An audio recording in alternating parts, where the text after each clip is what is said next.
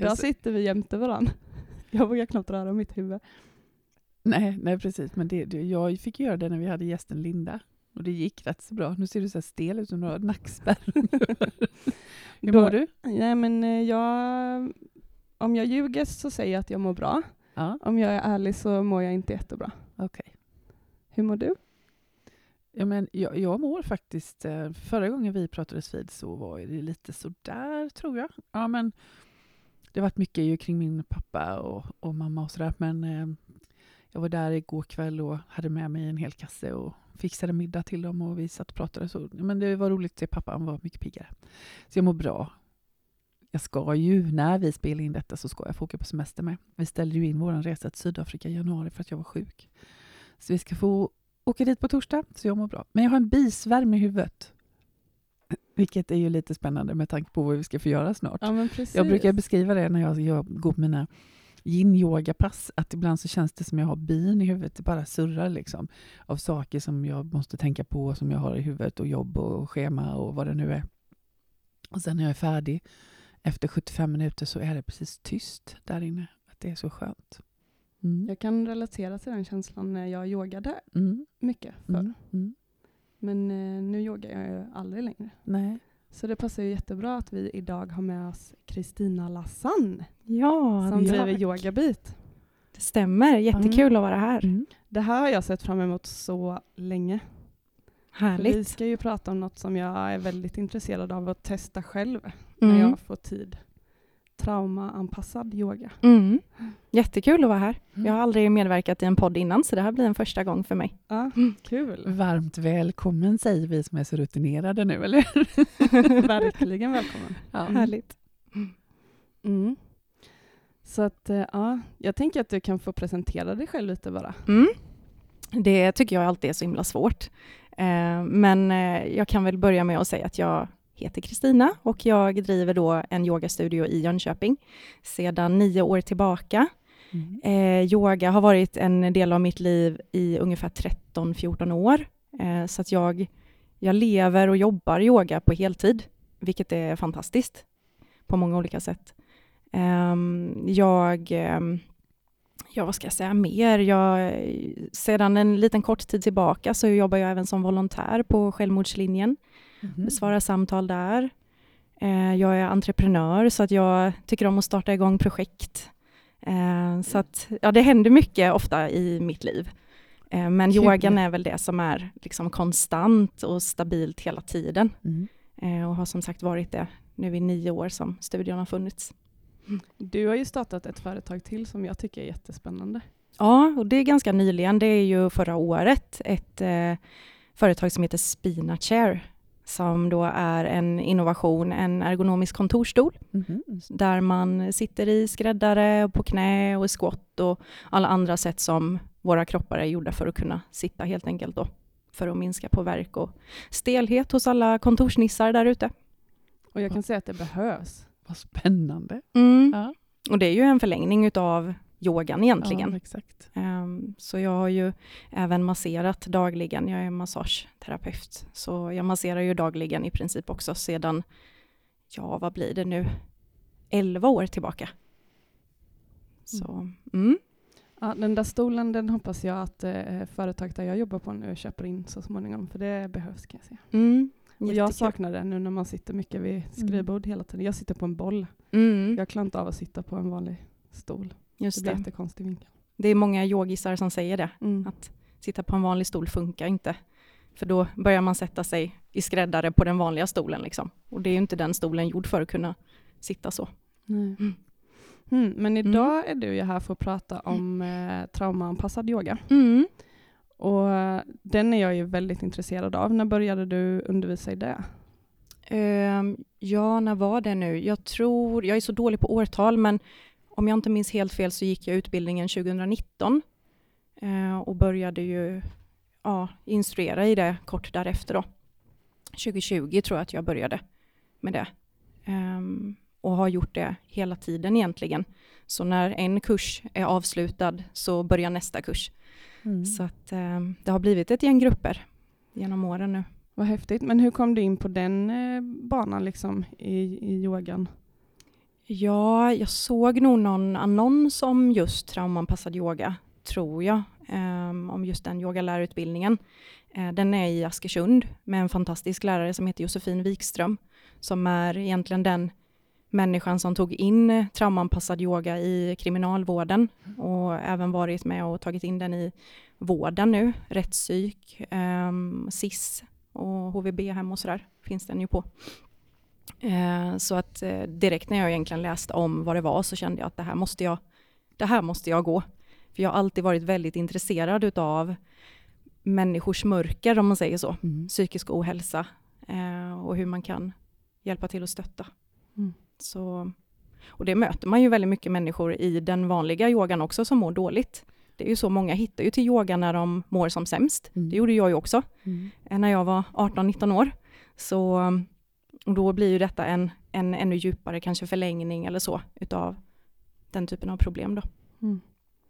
Men innan vi går in djupare på traumaanpassad yoga så nämnde du om att du ville göra en grej med oss. Mm, jag tänker att ni ska få uppleva ah. en liten, liten bit av vad det kan vara. Spännande. Eh, för ni båda är ju van med vanlig yoga, om man säger så. Men traumaanpassad yoga är ju någonting helt, helt annat. Mm. Så när jag testade det första gången så blev det som en, vad ska man säga, det blev ju något helt annat. Jag tänkte att men jag är ju van vid yoga, men det här var någonting mm. som jag aldrig hade gjort innan. Mm. Um, eftersom att den traumanpassade yogan innehåller en del kroppsbaserade metoder som inte är just traditionell yoga. Så därför blev det så annorlunda. Så jag tänker att jag bara kan ja, demonstrera eller att vi gör det lite grann tillsammans mm. innan vi fortsätter att prata. Fint, mm. det här ser jag fram emot. Ja. Jag tänker lite kopplingen till när vi pratar om sorgbearbetning, att det är också någonting utöver det vanliga eller något annorlunda om man har gått och pratat alltså, med någon annan tidigare, eller så, mm. kurator, psykolog eller läkare eller vad det kan vara. Många säger då, men jag har pratat om det men mm. det hjälper inte. Men mm. sorgbearbetning är ju också precis som du beskriver nu, att det är något helt annat. Mm. Det var en bra jämförelse. Ja. Mm. Så det här ska Jätte. bli jättekul. Mm. Tack för att du liksom vill visa oss det här. Ja, mm. mm. härligt. Men då tänker jag så här att eh, när man börjar en, en klass i traumaanpassad yoga, då brukar man börja med den kroppsdelen som är längst bort ifrån hjärnan. Så då börjar man med fötterna. Och då ser man det som starten på kroppen. Så det som jag tänker att du kan göra, det är om du vill lyfta upp en fot på kanske stolssitsen eh, eller på ditt andra ben eller så. Och sen så med dina egna tummar eller någon knoge eller sådär börja trycka in under fotsulan. Så under fotsulan så har vi ju massvis med nervändar som vi stimulerar, dels när vi går barfota, men det gör vi kanske inte så jätteofta. Eh, så därför så kan vi göra det helt enkelt manuellt genom att trycka in med tummarna. Eh, och fötterna och händerna upptar en väldigt, väldigt stor del utav hjärnan. Det finns någonting som heter den kortikala kroppskartan, vilket innebär att i hjärnan så har varje kroppsdel en, en representation om man säger så. Så eh, liksom din mun har en representation, dina, eh, din mage, din, eh, din ryggrad och så vidare. Och så vidare. Och i den här kroppskartan så har fötterna, händerna och munnen, läpparna, har väldigt stor representation. Vilket innebär att när vi jobbar med händer och fötter och med munnen, alltså när vi pratar, så är hjärnan väldigt upptagen. Eh, och ibland så behöver man distrahera sig lite eh, om man har det jobbigt i huvudet. Och då kan vi ta oss in i kroppen genom att jobba med fötterna till exempel, så som vi gör nu då när vi trycker och masserar. Eller när vi gör någonting med händerna, till exempel när vi kropps, eh, eller när vi ja, kroppsarbetar, syr, stickar, målar, pusslar. Eh, det finns ju många olika grejer man kan göra med, med händerna. Liksom. Skriver kanske, skriver dagbok. Eh, och så då även när vi pratar och använder munnen. Sjunger kanske, visslar, det finns många sådana grejer vi kan göra. Så nu när vi har kommit in i den ena fotsulan så tänker jag att vi kan byta och ta upp den andra foten och göra egentligen samma sak. Och eh, har man lite svårt att få kontakt med kroppen, eh, att man har svårt att känna sina olika kroppsdelar, så kan det också hjälpa att man liksom tittar på foten under tiden som man trycker på den och jobbar med den. Och så under tiden som man trycker här så kan man också känna om det är några punkter som är lite ömma eller om det känns på något annat sätt. Kanske känns det skönt på vissa punkter. Och så kan vi avsluta med den foten där nu och lite grann bara skaka ur händerna. Tänk att du har som vatten på dina händer som du vill liksom skaka loss. Och lite grann skaka loss det som satt i fötterna kan vi tänka. Därefter så ska vi komma in lite mer i kroppen och det som är mest stabilt i oss, det är ju vårt skelett. Det förändrar sig väldigt, väldigt lite. Så det man kan göra är att man klämmer med sina egna händer. Så om du vill testa så kan du göra det och klämma med händerna runt ena smalbenet och liksom med ett ganska så jämnt tryck med dina egna snälla händer trycka in emot själva underbenet och leta efter konturerna utav ditt skelett utan att värdera kroppen på något sätt. Och är det okej okay så kan man fortsätta även upp till låret, men känns det lite för jobbigt så bara fortsätter man med underbenet. Och det här är också för att få kontakt med kroppen. Och när vi lägger liksom tryck på kroppen då ökas det någonting som heter oxytocin. Det är ett lugnande hormon. Och det får vi ju när vi går på massage eller när någon vi älskar kanske klappar på oss, när vi får kramar och så vidare. Vi kan byta ben också. Eh, men det frisätts också när vi tar på oss själva, när vi kan lägga händerna på benet eller på armarna eller kanske massera käkarna och så vidare. Så det jobbar vi jättemycket med i traumanpassad yoga. Att eh, våga lägga händerna, dina egna händer på kroppen. Så nu har vi jobbat igenom underbenen, så nu tänker jag att vi bara jobbar igenom armarna också. Så att du tar med din ena hand så klämmer du runt underarmen, handled, upp till armbågen och kanske fortsätter du upp till överarmen eller så kanske du bara stannar med underarmen. Så allting du gör här ska kännas okej okay för dig. Så du, det gäller att du känner in hela tiden vart din egna gräns går. Och att allting är hela tiden valfritt. Och vill du så kan du fortsätta med den andra sidan, den andra underarmen. Leta efter skelettet, det som är stabilt, det tar du med dig vart du än går. Så befinner du dig i en situation där du känner dig otrygg, så leta efter ditt skelett. Så, och därefter så tänker jag att vi igen bara skakar ur händerna. Och sen bara ta en lång inandning via näsan. Och så utandning via näsan eller munnen.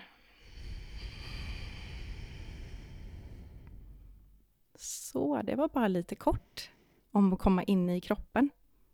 Wow, vad häftigt. Och nu gjorde ja, vi det väldigt kort tid, men mm. eh, när det är en klass så håller vi på kanske tio minuter mm. på mm. olika sätt och vi kommer in i ansiktet och huvudet och mm. ja, lite så. Men jag känner någon skillnad. Mm. Man får en liten, kanske en, någon, en sens, någon typ av sensation ja, i alla fall som stannar kvar. Jag känner mig lite lätt, lättad typ på något sätt, tror jag. Ja. Jag tyckte om det där när du sa om man, känner, om man befinner sig i en, en situation där man känner sig osäker eller nervös, jag vet inte riktigt mm. vad du mm. sa, att man ska liksom känna på skelettet, för det har du med dig. Var, mm. tyckte jag var häftigt. Ja. Mm. mm. Just jag, att det är stabilt. Jag reflekterade över att jag är så öm i min kropp, alltså under fötterna, på benen, armarna, mm. alltså överallt. Det känns som jag har blåmärken över hela min, hela min hud. Liksom. Det är inte ovanligt att känna så. Mm. Och så har du en jättefin röst också. Åh, tack. Ja. Tack, vad snällt. Det gör ju mycket mm. när man liksom den liksom inger ett sånt lugn, tycker mm. jag. Jättefint. Tack. Tydlig. Mm. Vad ja. häftigt. Jag, jag, tänkte bara innan du går in, så, och det här har jag sagt innan i podden, vet jag, men under pandemin så, så gav jag mig själv en, en liten present och det var liksom, jag vet inte, tio gånger eller sånt där. Yin-yoga, jag hade aldrig gjort det innan. Jag visste mm. inte vad det var ens när jag och kom dit och när hon sa till mig så här, nu ska vi hålla varje position i ungefär tre till fem minuter, så började jag skratta och tänkte det kommer aldrig gå.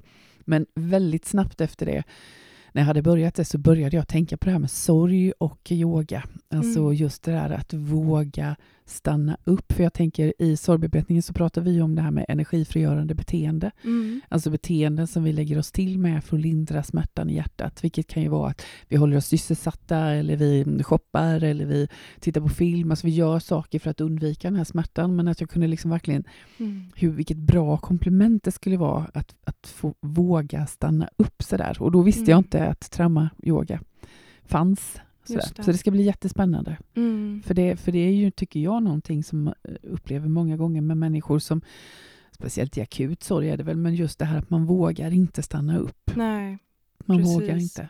Eller vad säger du Lena? Nej, det är ju det. Ja.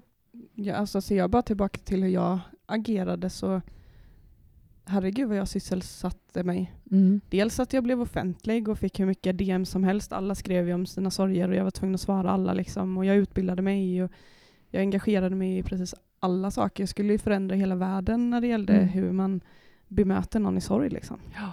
Mm. Så att, ja, nej, projekt startade jag till förbannelse. Ja, vi har en del överlevnadsstrategier. Ja, verkligen. Mm. Ja. Och det kan jag känna än idag. Alltså, jag är lite i en kris just nu. Eh, och jag känner ju nu hur jag också vill starta massa delar, men nu har jag ju lärt mig någonting av det, så att nu avbokar jag istället saker och ting mm. och låter mig själv få vara i detta och inte stressa, i, stressa förbi Nej. det. Mm. Um, men den känslan kommer ju likadant när jag liksom blir ledsen eller så. Jag har alltid shoppat när jag, för jag är upplärd på det sättet att man ska ersätta eller liksom man fyller hjärtat med att ha saker omkring sig. Mm. Och det känner jag också då att jag vill köpa grejer. Just det. Nu köper jag mat då, för det måste vi ändå ha. Så. Mm. Men, tänk det... vilken viktig insikt. Mm. mm. Och lära känna sina egna överlevnadsstrategier. Mm. Och vad man brukar försöka bedöva sig med. Ja. Mm. Och, och, det är just jämför, jämförelsen som du gjorde med sorgbearbetning, det känns väldigt, alltså nu när du, liksom vi, liksom, vi kände på benen och armarna, alltså sorgbearbetningen är ju lite så också. Det handlar inte om att gräva djupt egentligen, mm. även om man kommer djupt ibland också, men det handlar om att lära känna sig själv. Liksom. Vad har jag varit med om egentligen och sätta det på papper. Alltså, vi kan inte jämföra sig till likadant, men det var en väldigt bra jämförelse. Var det? Mm. Mm. Ja, men att stanna upp. också. Vi hade ju Linda som gäst och då pratade vi om eh, liksom, eh, matens eh, påverkan. Eh, och hon pratade också liksom hur viktigt det är att vi andas. Mm. Och det pratar man också jättemycket om i yogan. Mm. Och när jag skulle börja eh, jag, fick ju, jag blev ju utredd för posttraumatisk stress mm. och så fick jag ju komma då dit där de är experter med sånt. Och då fick jag en uppgift och den var ju att jag skulle andas. Mm. Alltså det är ju, man kan ju tycka att, jag blev ju typ irriterad då, för jag bara sa, men jag kan andas, för jag är yogalärare. Mm. Typ. Fast jag är inte det längre, för jag har inte liksom gjort det på så länge. Men även att jag då har gjort det så många år och, och borde kunna det, så är det det svåraste jag har gjort efter att jag drabbades av sorg. Mm. Jag kan typ inte göra det. Nej. Jag får inte den ron på samma sätt att sätta mig och göra de här liksom, riktigt djupgående Nej. andningarna. Så. Just det. Och vi använder ju andningsövningar ganska långt in i en kurs i traumayogan för mm. att andningen är väldigt kraftfull mm. och den kan också vara extremt triggande. Mm. Eh, och traumayogan är ju uppbyggd på det viset att vi ska inte trigga någonting. Eh, för att det kommer ju människor med PTSD mm. och eh, beroende på vad man har varit med om så kan det vara väldigt triggande att höra dels sitt egna andetag men även andra i gruppen. Mm. Ehm, så att där jobbar man ju med andetaget ganska långt in i kursen så att man först jobbar med säkra, säkrare metoder. Mm. Eh, och sen i, i traumanpassad yoga använder man ofta kroppen i kombination med att man andas. Att man använder händerna till exempel i takt med hur man andas in, kanske man spänner händerna och sen när man andas ut så släpper man händerna. Ja, så att man ändå har någonting fysiskt att fokusera på samtidigt, för det kan upplevas som mindre triggande. Det var bra. Mm, okay. Så man, man tänker lite olika. Det finns ju väldigt många olika typer av andningsövningar, men mm. det vi inte använder i traumaanpassad yoga, det är ju den här typiska yogaandningen, ujjayi. Den använder vi inte överhuvudtaget. Och hur är den? Den låter väldigt ja. eh, väsande. Ja, just det. Det var den jag gjorde nu, om det hördes i podden. Mm. Nej, jag tror inte jag hörde den, men, men den är väldigt, man, stru, man liksom drar ihop strupen. Ja. Så det kan ju nästan kännas som att man får mindre luft. Mm. Och den kan vara jättetriggande. Så att man försöker istället att andas in fritt via näsan och sen kanske blåsa ut via munnen. Ja, till exempel. För jag var, där, ganska många år sedan så var jag på något yogapass här. Jag skulle testa yoga, jag visste inte vad det var. Typ. Men det var någon sån typ av andning mm. tror jag som de höll på med. För, och det var så det var det som gjorde att jag inte fortsatte, för jag, jag kunde inte koncentrera mig, jag tyckte det var skitjobbigt. Så mm. det kan nog ligga något i det, mm. att det var triggande för mig. Men mm. Ja, men jag tänker Berätta så här, nu. ja, hur är liksom det uppbyggt? I vanlig yoga har man ju olika block till exempel, eller man kan ha det. Mm. Hur är, hur är, liksom, hur är traumaanpassad yoga uppbyggt? Mm. Ehm, jag tänker så här, jag tror att vi måste börja med att bara reda ut begreppet trauma Ja. i och med att det finns, ordet finns med i den yogaformen. Mm. Eh, för att jag upplever ibland att människor kanske slänger sig lite med ordet trauma Ja. när de ska säga att någonting jobbigt har hänt. Mm. Ehm, och det grundar väl sig bara i kanske Just det. okunskap. Så när eller... någonting jobbigt har hänt så behöver det nödvändigtvis inte vara traumatiskt. Nej, Nej. det är jätteviktigt Mm. att komma ihåg för att eh, ordet trauma betyder sår eh, från grekis- grekiskan. Men, eh, och stress upplever vi ju alla, och jobbig stress också, eh, att det händer jobbiga grejer i livet. Men eh, en vanlig stress är verkligen inte som en traumatisk stress. Den traumatiska stressen går väldigt my- mycket djupare in i nervsystemet och den sätter sig i kroppen på ett helt annat sätt också. Så den är liksom flera lager djupare än den här vanliga livsstressen om man ska kalla det så. Det. Ehm, och det som är traumatiskt för mig kanske inte är traumatiskt för dig. Så för att det ska kunna vara ett trauma så måste det vara någonting som är överväldigande som har hänt. Det kan vara en situation eller flera upprepade situationer, men det ska vara så pass överväldigande att det går inte att hantera i situationen och det ska vara väldigt svårt att komma tillbaka till ett normalläge. Eh, Det utmärker ett trauma. Mm. Ehm, så det är viktigt att komma ihåg det. Och en, de flesta som är med om ett trauma får ju en akut stressreaktion, vilket kan se väldigt olika ut, men eh, några få får ju då också eh, bestående men i form av posttraumatisk stress, som då blir en diagnos som, som kan vara jätte, jättetung att leva med. Och Mm. då är det väldigt svårt att ha ett vanligt liv med, med jobb och relationer. Liksom. Mm. Då måste man få hjälp. Kan det också vara fysiska eh, sår eller vad man ska säga? Ja, absolut. ja. absolut. För det är ju- jämförbart med sorgbearbetningen också, där vi också tittar på det. Alltså olyckor, sjukdomar, Ja. alltså fysiska liksom, saker som man kan koppla till vissa sorger och så. Ja men precis, Ja. alltså det, det man eh, brukar kunna benämna som, som ohanter, ohanterbart eller överväldigande, det kan ju vara våld, Mm. det kan ju vara sexuellt våld eller annat typ av våld, men det kan ju även vara bevittnandet av våld. Mm. Eh, det kan ju vara naturkatastrofer, krig.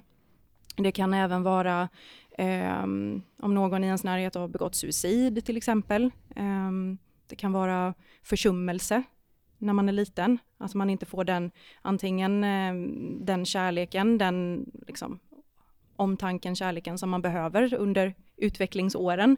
Eller det kan vara fysisk försummelse, att man inte får mat och kläder och allt det här som vi behöver. Mm. Eh, och det kan ju vara ja, sexuella övergrepp till exempel, men det tror jag tog upp. Ja. Mm. Ehm, det kan vara många olika saker, men som sagt, det, det är individens förmåga att hantera det som avgör om det är ett trauma eller inte. Mm. Jag tänker att dödsfall, är väl, det måste väl också gå in på att det går under trauma också? Det kan göra det, det behöver inte vara det. Eh, för att vissa dödsfall känner vi kanske att vi kan hantera Mm. och det är jättejobbigt i stunden, men efter Men det en kan vara naturlig dö- Precis, död. dödsfall, exakt. så. Precis, Mm. så efter en månad så kanske vi fortfarande sörjer, men vi kan fortsätta med vårt liv och Mm. vi har kanske inte massa fragmenterade minnen och mardrömmar och allt det Mm. där som kanske mer utmärker ett trauma på det sättet Mm. då. Mm. Att det upptar hela ens, egentligen, eh, hela ens existens. Så.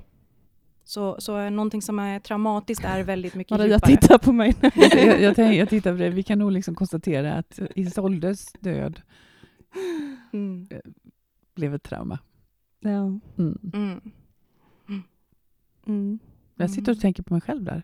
Jag vet inte vad du vet om mig, men eh, jag har bakom mig för 30, ja, lite över 30 år sedan så fick jag min andra son och, och det blev jättedramatiskt. Han blev sjuk och hamnade i eh, vad heter det, respirator och så. Mm. Och det, det slutade i alla fall med att han har olika funktionsnedsättningar. Liksom. Mm. Det, jag tänker att jag tror att det där var lite trauma för mig också. Mm. Mm. För det var som att ryckas bort från liksom, det normala till någonting helt som man inte...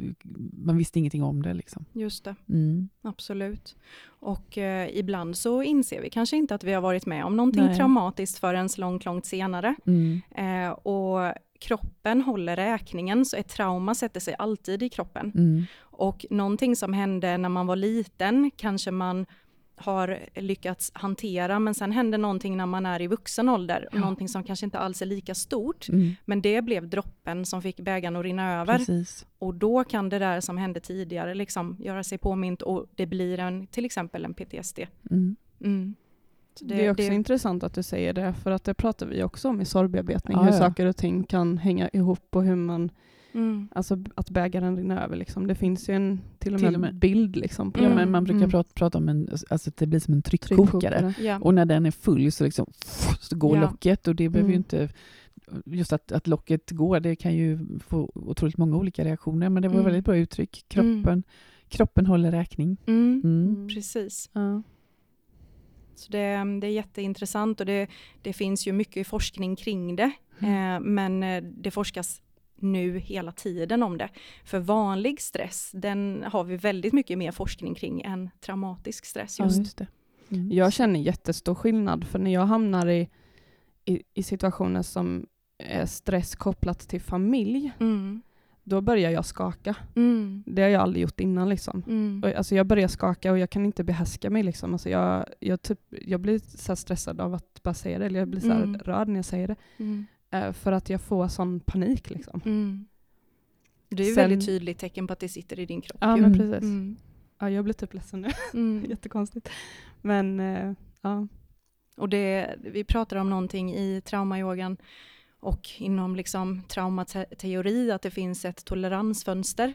Mm. Och att eh, alla har vi olika, som har varit med om någonting väldigt tungt, att man har olika triggers. Mm. Eh, och där gäller det ju att veta om sina triggers. Mm. Till exempel detta då att det är triggande för dig att prata om familj. Mm.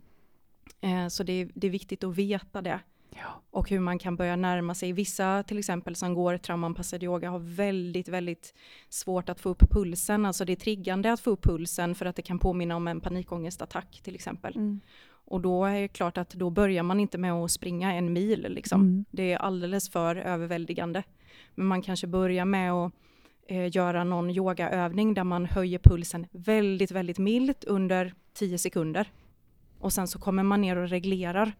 Så i traumanpassad yoga så lär man sig att reglera sin stress. Mm. Så att man kommer tillbaka till någon slags mer stabilt utgångsläge. Så att man börjar ja, höja sin toleransnivå. För går man för långt så sänker sig taket på det här toleransfönstret mm. och så mm. kan man till slut inte göra någonting. Ja, Lite som med utmattning. Så. Ja, att gör man för mycket så, så kan man till slut inte göra någonting. Mm. Men börjar man bara lite, lite grann eh, så höjer sig taket. Liksom. Det påminner också lite om när jag skulle få hjälp där med posttraumatisk stress. Alltså jag avbröt det för att eh, jag hade inte lugnet i mig själv att göra det riktigt. Men mm. Eh, då hade jag ju också då fick jag sätta liksom siffror på olika situationer. Mm. Typ sätta mig i en varm bil mm. var ju liksom en tia, alltså jättehögt. Liksom. Det var ju så triggande för mig att vara bland värme. Ja. Kontra eh, som på vintern sätta mig i bil, den är ju noll. Liksom. alltså så. Det. För det är inte själva bilen som är, är liksom min trigger, utan det är ju värmen ja. i sig. Ja. Och så skulle man ju då utsätta sig för det hela tiden. Och det hade jag ju redan fått med mig lite ifrån att jag hade gjort sorgbearbetning och att jag själv var så medveten om saker och ting och inte ville ha mm. massa hinder. Så jag tvingade ju mig själv att sitta i den där varma bilen och satt där med typ kunde knappt andas liksom. Men mm. allt eftersom så blev det ju lättare. Mm. Sen var jag nog lite extrem när jag gjorde det. Mm. Jag gjorde inte det under kontrollerade former, så lyssna inte på, på mig. ja. men, men jag tänkte bara, utifrån det du sa det här och definitionen av trauma mm. och att, att vi liksom kanske, att det inte är utan kanske vanlig stress eller så. Ja. Om jag då kommer till dig och vill vara med på den här traumayogan, har du individuella samtal med alla då? Utan liksom eller hur går det till? Ja, men när man, får, när man vill boka sig på en, en kurs då, ja. jag har eh, steg ett, steg två och steg tre, mm. så man måste alltid börja med steg ett. Eh, då får man fylla i ett litet, man får några frågor mm. eh, tillbaka, mm. eh, för jag måste veta om det är en akut situation. Ja, just det. Och då får man inte komma. Okay. Utan då måste man ha ehm, professionellt stöd mm. till en början. Liksom. Mm. Eh, men det finns jättemånga som går traumanpassad yoga. Utåt sett kallar vi det stressreducerande yoga ja. och sen i parentes traumanpassad. Okay. Så att eh, det är väldigt många som går som inte har något trauma. Just det, så Men det är inte så att du säger så här, nej men tyvärr, du, nej. Du, du, du har inte varit utsatt för något trauma? Nej, nej, nej, nej gud nej. nej. Utan alla är jättevälkomna mm. för att man kanske känner någon, man kanske har någon i sin närhet mm. som man vill kunna vara, förstå bättre eller ja, vara precis. till stöttning för. Man kanske jobbar inom vården och vill få mer kroppsbaserade metoder som mm. man kan använda sig av. Um, så det finns många olika anledningar. Man kan säga alla kan gå på stressreducerande eller traumanpassad yoga, men alla som har något trauma kan inte gå på all annan yoga. Nej, så det. det. går inte två, båda vägar liksom. Mm. mm. Men eh, det är jättemånga, det är ungefär 50-50 skulle jag säga mm. i en grupp mm. som har någonting och, och de som inte har. Mm. Vet du, jag kom på en grej. Jag skrev ju till dig rätt så tätt in på att Isolde dog och frågade om den yogan och då tror jag faktiskt du sa till mig att jag var tvungen att vänta. Mm, Eller om du, fråg Nej, men du frågade mig nog, mm. nog så här, är du i ett akut läge på något mm. sätt? Och då kände jag själv så här, men det är jag. Mm. Så då gick jag inte. Just det. Uh. Och det är ju för att skydda mm. individen. Jag klart. hade nog inte klarat det då. Nej. Alltså nu när jag tänker tillbaka, liksom. då tyckte jag att jag hade koll på allting. Men ja, för även att nu... själva yogaformen i sig är väldigt, väldigt trygg och väldigt försiktig. Mm. Allting är väldigt eh, eftertänksamt om man säger så. Allting som sägs i pedagogiken till exempel mm. är väldigt, det finns en mening med allting man mm. säger. Och även alla övningar och så, men trots att det är jättetryggt så kan det ändå vara någon som triggas av någonting. Ja. Mm. Men för jag tänker, det är ju likadant alltså, oavsett vad man väljer att göra, som när jag skulle bli utredd, eller när jag skulle få hjälp med posttraumatisk stress, eller om man gör sorgbearbetning eller eh, mm. liksom, eh, yoga hos dig eller så, så måste man ju på något sätt eh, vara redo för att mm. fullfölja det. För mm som när jag, jag gjorde ju utredningen och fick posttraumatisk stress och skulle börja den och när jag började den och fick mina uppgifter då kunde jag inte utföra dem. Mm. Så jag var ju inte redo riktigt Nej. för det. Medan när jag gjorde sorgbearbetning då var jag redo för den processen jo, och fullföljde men, men sen den. tänker jag, jag tror inte de pratar riktigt så i sorgbearbetningen att man behöver vänta utan Nej, det gör de inte. Det gör de faktiskt inte. Nej. Vilket jag inte riktigt... Det är ganska ovanligt att folk kommer precis i akuta Ja, jag hade inte kunnat göra det nej, i alla fall. Nej. nej. Ehm, men, ja. men det märker jag ju. Jag vet inte hur det är hos dig Maria, men jag har ju haft några stycken som har börjat rätt nära in på att de har liksom mist någon. Mm. Och de, det är tre personer och alla de tre har ju avbrutit mm. eh, i mitten liksom, mm. för att det har blivit för mycket. För mycket, ja, mm. precis. Och vi har ändå haft fina samtal och så, mm. men, och då har jag själv sagt till dem att så här, men kom tillbaka när du känner dig redo för ja. att inte Alltså det är de som måste göra jobbet. Mm, jag är precis. bara där och håller i handen. Liksom. Precis. Mm. Ja. Och sen, nu har inte jag svarat på din fråga heller, för du frågade också vad skillnaden är. Mm. Att i vanlig yoga kanske man har block och sådär. Ja, men i den, för nu har vi rätt ut själva begreppet i alla fall, mm. så den traumanpassade yogan, den är ju som sagt då utformad för att personer med ett väldigt känsligt nervsystem ska kunna känna sig trygga mm. och, och, få ta del av de här metoderna. Så och det kan nog vara lite olika beroende på vilken lärare man går till, men eh, hos mig då så börjar jag alltid med en eh, psykoedukation kallas det. Så beroende på vilken gång det är man kommer då, så det här sker ju i grupp då, mm. men då är det alltid en liten teoridel först, där jag berättar om olika delar av hjärnan okay. och hur de påverkas av traumatisk stress och långvarig stress vad som händer, vad reaktionerna blir, vad effekterna blir av det och hur man kan jobba med det.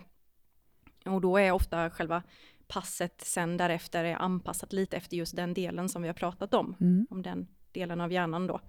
Eh, sen har vi alltid mattorna, yogamattorna är alltid eh, satta som i en halvcirkel eller i en hel cirkel. Så på en vanlig yogaklass kanske man har mer rader. Ja, precis. Men i den traumanpassade yogan så ska man aldrig ha någon bakom sig.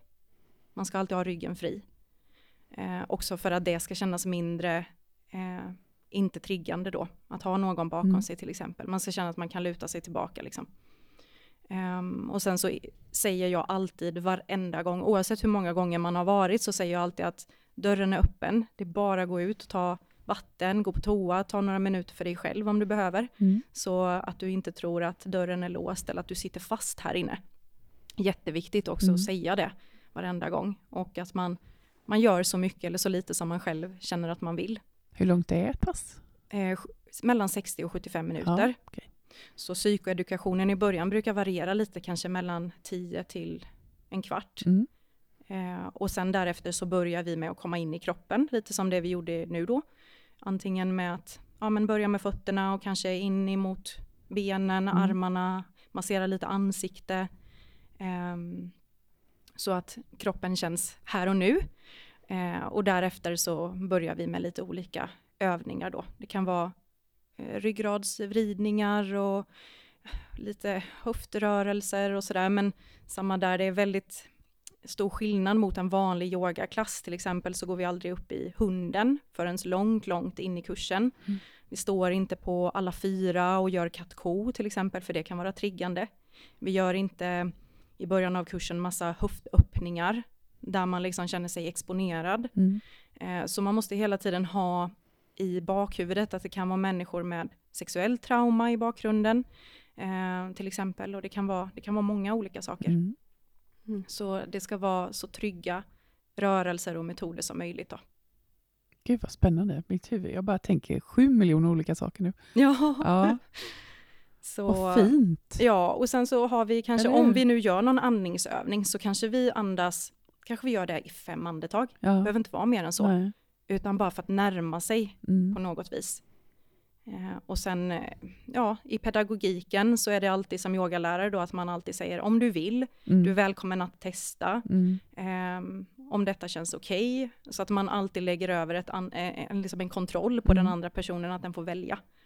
Det är superviktigt. Jag tänker på det Linda, hon hade ett uttryck när hon pratade, hon pratade om det här att stötta kroppen. Mm. Då pratade hon om att stötta kroppen med bra mat till exempel, men det här låter samma sak. Mm. Att stötta kroppen så att det blir så bra som möjligt. Ja. ja. Mm. Verkligen så. Jag blev så förälskad i det uttrycket. Mm. Stötta kroppen. Väldigt mm. fint. Mm. mm. Men hur många gånger är en kurs? Eh, hos oss på Yogabit så är en kurs sex veckor, mm. så sex tillfällen. Mm. Och då har vi två veckor i rad är det samma pass mm. och samma psykoedukation, så jag upprepar mig två veckor i rad. Och det är också för att personer som har varit med om någonting traumatiskt kan ha ganska svårt att komma ihåg. Just det. Eh, för att eh, amygdala då till exempel i hjärnan, en del av hjärnan, som relaterar till korttidsminnet, mm. kan vara försämrat. Och det är mycket information att ta in, så det kan vara mycket som man inte kanske snappar upp första gången man hör det, men det landar kanske andra gången. Mm. Sen får man alltid all psykoedukation på papper också efter avslutad kurs, så mm. att man mm. kan återgå till det. För det, den delen har jag märkt är väldigt många som tycker är eh, det är bra att man får den här kunskapen om sig själv. Ja, För hjärnan är ju hela ens person. Mm. Där sitter ju alla mm. minnen och alla drömmar och mm. alla svagheter, alla styrkor. Allting är uppifrån hjärnan. Så det är många som säger det, att de förstår sig själva mycket bättre när mm. de har förstått också hur en traumatiserad hjärna och ett nervsystem som är väldigt stressat, hur mm. det har påverkats då. Det kan jag relatera till för att det var ju det första som hände för mig. När man, man jag fattade ju inte att jag fick en ångestattack exempelvis, mm. när det hände första gången. Eh, jag fattade inte att jag liksom, eh, hade varit utsatt för ett trauma då. Eller, mm. alltså jag, jag fatt, min hjärna förstod inte vad det var som hände, men när jag började förstå, som via sorgbearbetningen, mm. hur jag funkade på grund av vad jag gick igenom, då mm. var det lättare att förändra. Ja. Så när jag, när jag gick för jag gick ju först och pratade med en eh, eh, kurator och psykolog och när jag kom till psykologen då förklarade Ja, men då tror jag hon förklarade liksom att men du har ju, du får ju, du har ju fått en ångestattack. Liksom. Mm. Och när jag fattade att, vad det var, mm. efter det har det knappt inte kommit igen. Nej. Så bara för att jag förstod vad det var som hände så kunde jag på ett annat sätt, liksom, när jag kände att det var på gång så kunde jag bara säga okej okay, nu händer detta och det blev inte farligt på samma sätt längre eller okontrollerat. Nej. Liksom. Nej, så jag tror kunskapen är ju mm. Jättehjälpsam. Mm. Alltså Den ger en känsla att, av egen kraft, ja, att man verkligen. förstår vad ja. det är som sker. Då behöver man inte vara lika rädd som du säger. Nej. Mm. Jätteviktigt. För, jag blir så nyfiken på, vi går ju fort fram sådär, men, men jag tänker på vad får du för återkoppling av, man är, alltså, av deltagare liksom, och skillnaden ja. på deras mående? Eller? Just det. Under, efter steg ett så har vi en, en obligatorisk utvärdering då, ja. som man får fylla i. Eh, och då får de fylla i hur de, ja men tankar och känslor mm. efter kursen, hur de mår. Men också får de ju då reflektera över vilka metoder och ja, vilka övningar de känner att de vill ta med sig och fortsätta med på egen hand. Mm. Och eh, nej men jag gråter ju varje gång jag läser de här utvärderingarna. det är så himla fint. Och jag är alltid supernervös innan jag ska läsa dem, för jag tänker så här, åh, hoppas inte någon skriver något jättedåligt nu, men det har ju aldrig hänt.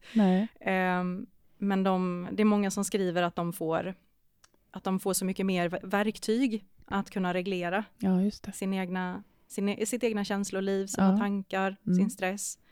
Um, att de förstår sig själva bättre, mm. skriver de ofta.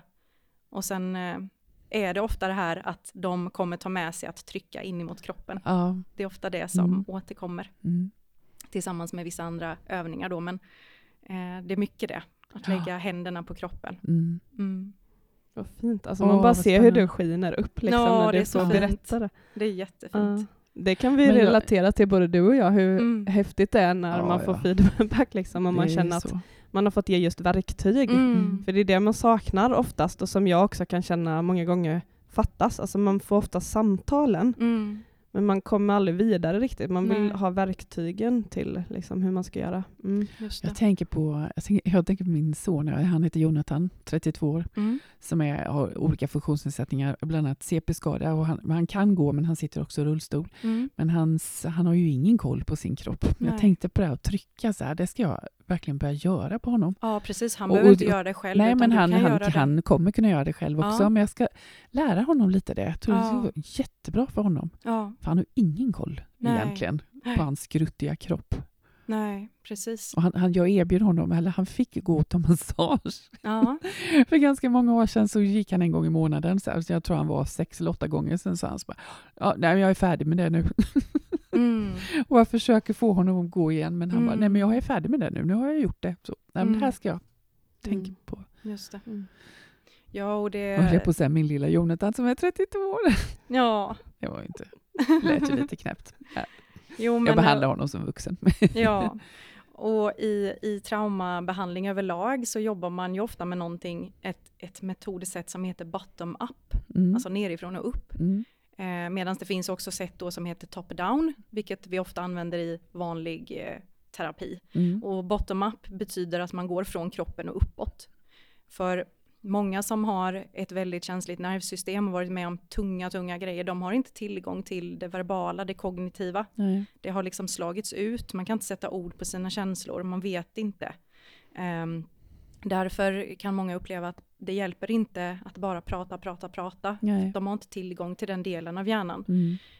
Uh, och det häftiga är att Broccas area, som den en av de delarna i hjärnan där talet sitter, sitter precis bredvid där händernas representation finns. Mm. Och det verkar som att genom att använda händerna så kan vi få tillgång till talet.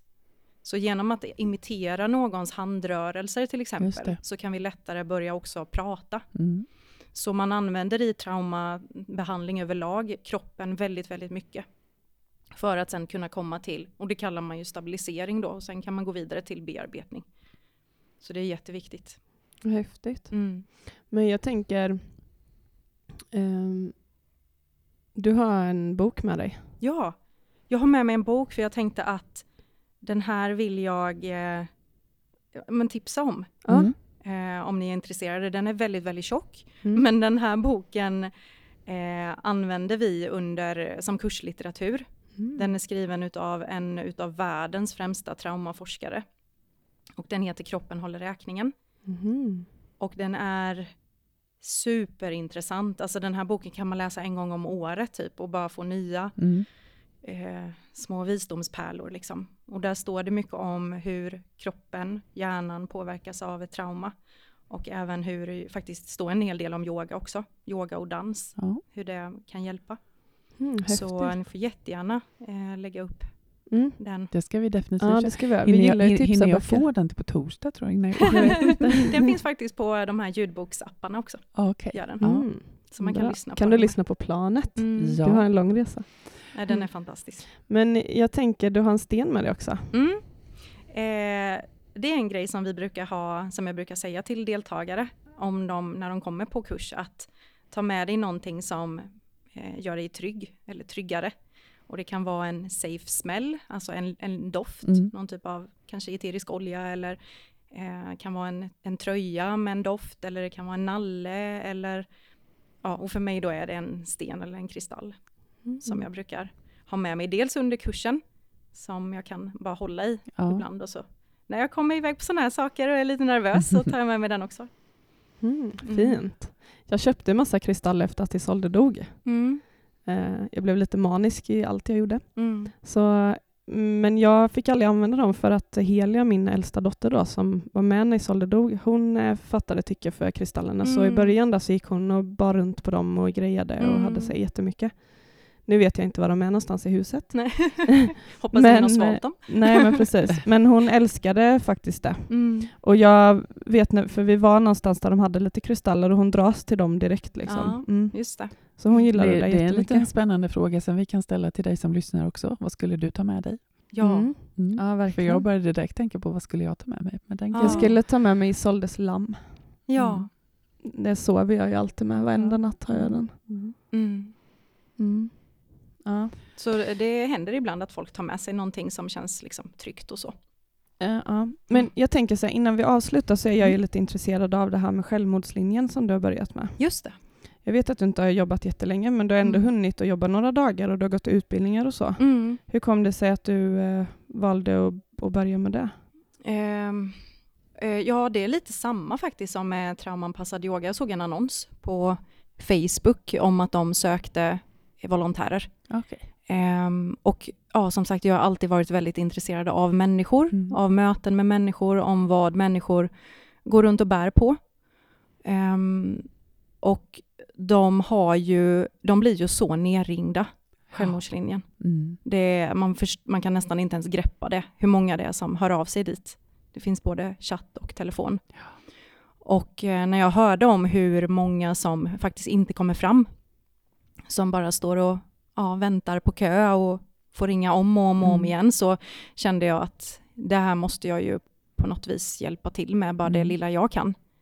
Så, var, de, det inte, var det inte någonting på nyheterna om det jo, häromdagen? Just jo. att de också alltså de jämförde med till exempel 1177 ja. som får statliga medel. Och ja. Att, ja, precis. ja, för mm. självmordslinjen är ju den största eh, hjälplinjen som ja. finns. Och eh, det är många eh, från 1177 som då hänvisar till självmordslinjen. Ja.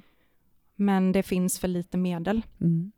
Jättespännande. Och då finns det ändå, ja, vad är det nu, över 600 volontärer. Ja. Men det behövs så många fler. Just det. Så när jag sitter på ett pass och besvarar samtal så lägger jag på och sen ringer det igen. Mm. Direkt efter. Man sitter aldrig och väntar liksom. Nej. Och det är skrämmande. Men vad krävs det då för att få vara volontär i självmordslinjen? Mm. Man får skicka in en ansökan där man eh, ja, men, berättar om sig själv och hur man mår själv och sådär. Så de har ju en, de har en, eh, eh, ett krav då på att man ska ha mått bra i två år. Mm. Om man, för det är många som själva har, bär med sig någonting. Ja, för då, det är ofta då man har det här intresset. Mm. Men man ska ha känt sig stabil i åtminstone två år så att man också orkar med att lyssna. Mm. Eh, för det finns ju alltid en risk att man blir traumatiserad av att höra ja, andra ja, människor visst, som visst. är traumatiserade. Mm. Det kallas ju sekundär traumatisering. Eh, så, och sen så, ja, de gör ju en bedömning då på om du känns lämplig. Och därefter så får man ju komma på intervju mm. och ja, få ytterligare frågor så att de får en känsla av dig. Och sen så får man påbörja en utbildning då, mm. som är på distans. Jättespännande. Jag jobbar mycket med ut mot företag och utbildar i organisatorisk och social arbetsmiljö, bland mm. annat när det gäller det här med kränkande särbehandling och arbetsplatsmobbning. Och det är ju många, många, många människor i Sverige varje år som tar sitt eget liv mm. på grund av mm. utsatt för arbetsplatsmobbning. Just det. Fruktansvärt. Mm. Man brukar säga att det är fyra människor varje dag i ja. Sverige som tar sitt liv. Ja. Så det är, eh, mm. det är fem gånger fler än i trafiken mm. i dagsläget. Så det är många som drabbas av sorg runt omkring ja. de människorna. Mm. Men det här är ju också, att, att också börja prata om det, ja. är ju också viktigt, för det, det gör vi ju inte. Det är jätteviktigt. Utan att eh, liksom våga prata. Ja. ja. Och det har jag tänkt på det så mycket. Det, det, det, behöver finnas plats för de här svåra samtalen liksom, hemma vid köksborden, inte bara mm. liksom, på tv och i poddar och sådär. Men alltså, mm. alltså, vi, vi, behöver liksom, det behöver finnas plats för de här sakerna. Mm. För kunskap hjälper ju. Det gör ju det och vi brukar säga det på självmordslinjen också att enda sättet att få reda på om någon bär på självmordstankar det är att fråga ja, rakt ut. Precis. Det behöver inte vara Nej inbäddat Nej, i bomull, utan exakt. det är att fråga. Det är att fråga. Har du tankar på att ta ditt egna liv? Mm. Och får man ett svar tillbaka att ja, det har jag, mm. då ska man inte byta ämne, utan då, då är nästa fråga, okej, okay, har du planer på mm. att ta ditt egna liv? Och vill berätta lite grann om de Precis. planerna? Jag hade en kvinna idag på morgonen, jag har alltid tvn på i köket, eller sådär, på Nyhetsmorgon. Hon pratade om barn som far illa. Mm. Och då sa hon att det borde vara en obligatorisk fråga inom socialtjänsten. Liksom, att fråga, är mm. du utsatt för någonting? Eller, jag kommer inte ihåg exakt vad hon sa. För om vi inte frågar så får vi aldrig det svaret. Nej. Och hon pratade utifrån egen erfarenhet också. Jag hade aldrig berättat om jag inte hade fått frågan. Och det är samma sak här. Ja.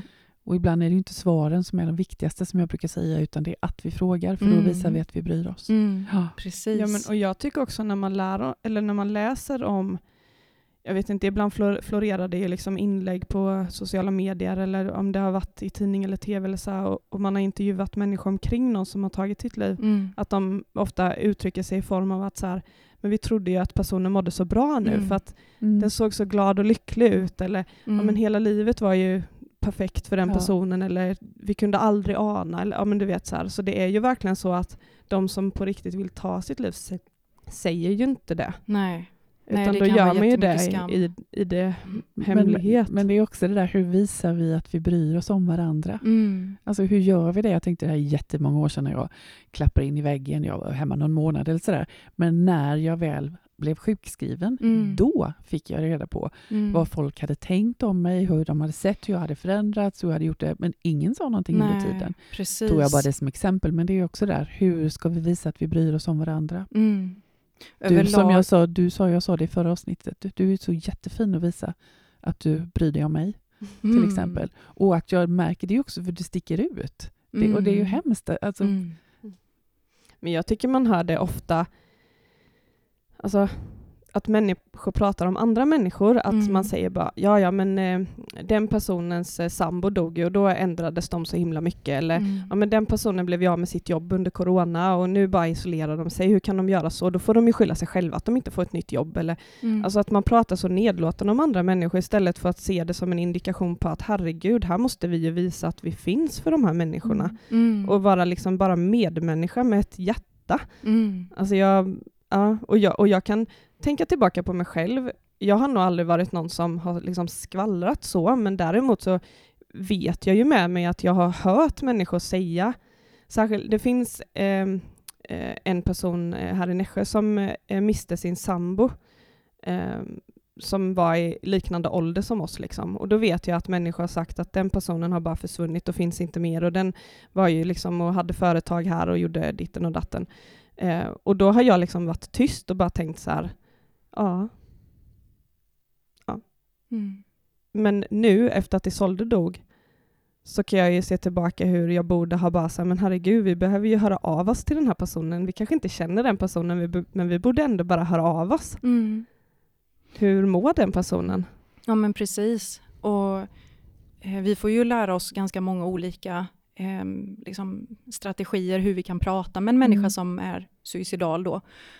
Uh, för att jag tror att de flesta människor tänker någonstans att vi ska trösta om någon i vår närhet mår dåligt så ska vi gå in och trösta och mm. säga alla de här grejerna som att det kommer bli bättre. Precis. Och, ja. I sorgbearbetning säger vi ju intellektuella kommentarer. Ja, Just att det inte och det är ju av välmening såklart. Ja, ja, ja. Men, men, det är inte våra hjärnor som behöver läkas utan det är våra hjärtan. Ja, men mm. precis. Medan i, i det vi behöver göra är att följa med ner i gropen. Vi måste liksom prata om det där som känns jättetungt. Ja och inte kanske ställa så mycket frågor om varför, för att det kan också vara väldigt skuldbeläggande att få mm. höra mm. varför hela tiden, utan, mm. eh, utan prata mer om kring känslorna mm. och hur är det för dig? Jag tänker lite slarvigt uttryck nu, men om jag visste varför så kanske jag inte behövde göra det. Mm. Eller mm. hur? Då kunde jag kanske ta tag i det som. Precis. Det känns som att du får komma tillbaka någon mer gång. Oj, vad snällt. vad kul. Ja, ja, alltså vi har mycket att prata om. Men jag tycker det är så spännande för nu, vi har ju liksom bestämt att den här podden ska ju vara en podd där vi liksom lyfter sorgen i allmänhet i mm. livet. Alltså så. Det är inte mm. kopplat till döden bara. Nej. Och att då också att det ska vara en podd som är hjälpande och mm. utbildande. Mm. Och det här är så himla häftigt tycker jag hur vi nu kan bjuda in gäster och prata om olika sätt att få hjälp och stöd och att det ändå är så likartat. För den vanligaste frågan vi får är så här, men hur bemöter man någon? Mm. Som är i sorg eller som är självmordsbenägen eller mm. har ett mm. trauma. Och det är ju liksom likartat, alltså vi pratar ju om samma saker, bara att vi har olika ord eller uttryck mm. för det. Mm. Men i grunden är det ju samma och det handlar ju bara om att ställa frågan. Ja, precis. Och, och också att säga, en väldigt bra grej att kunna säga är att jag är inte så upptagen som jag ser ut. Nej. För att människor vill inte vara till besvär och störa och Nej. det ligger så djupt i oss att mm. vi, ja då stänger vi in oss istället. Men Precis. om man kan våga säga det att jag är inte så, där, jag är inte så upptagen. Nej. Min dörr är öppen liksom. Mm. Så, fint. Mm. Jag tycker vi avslutar med det. Det gör vi. Tack så mm. jättemycket. Tusen tack. tack.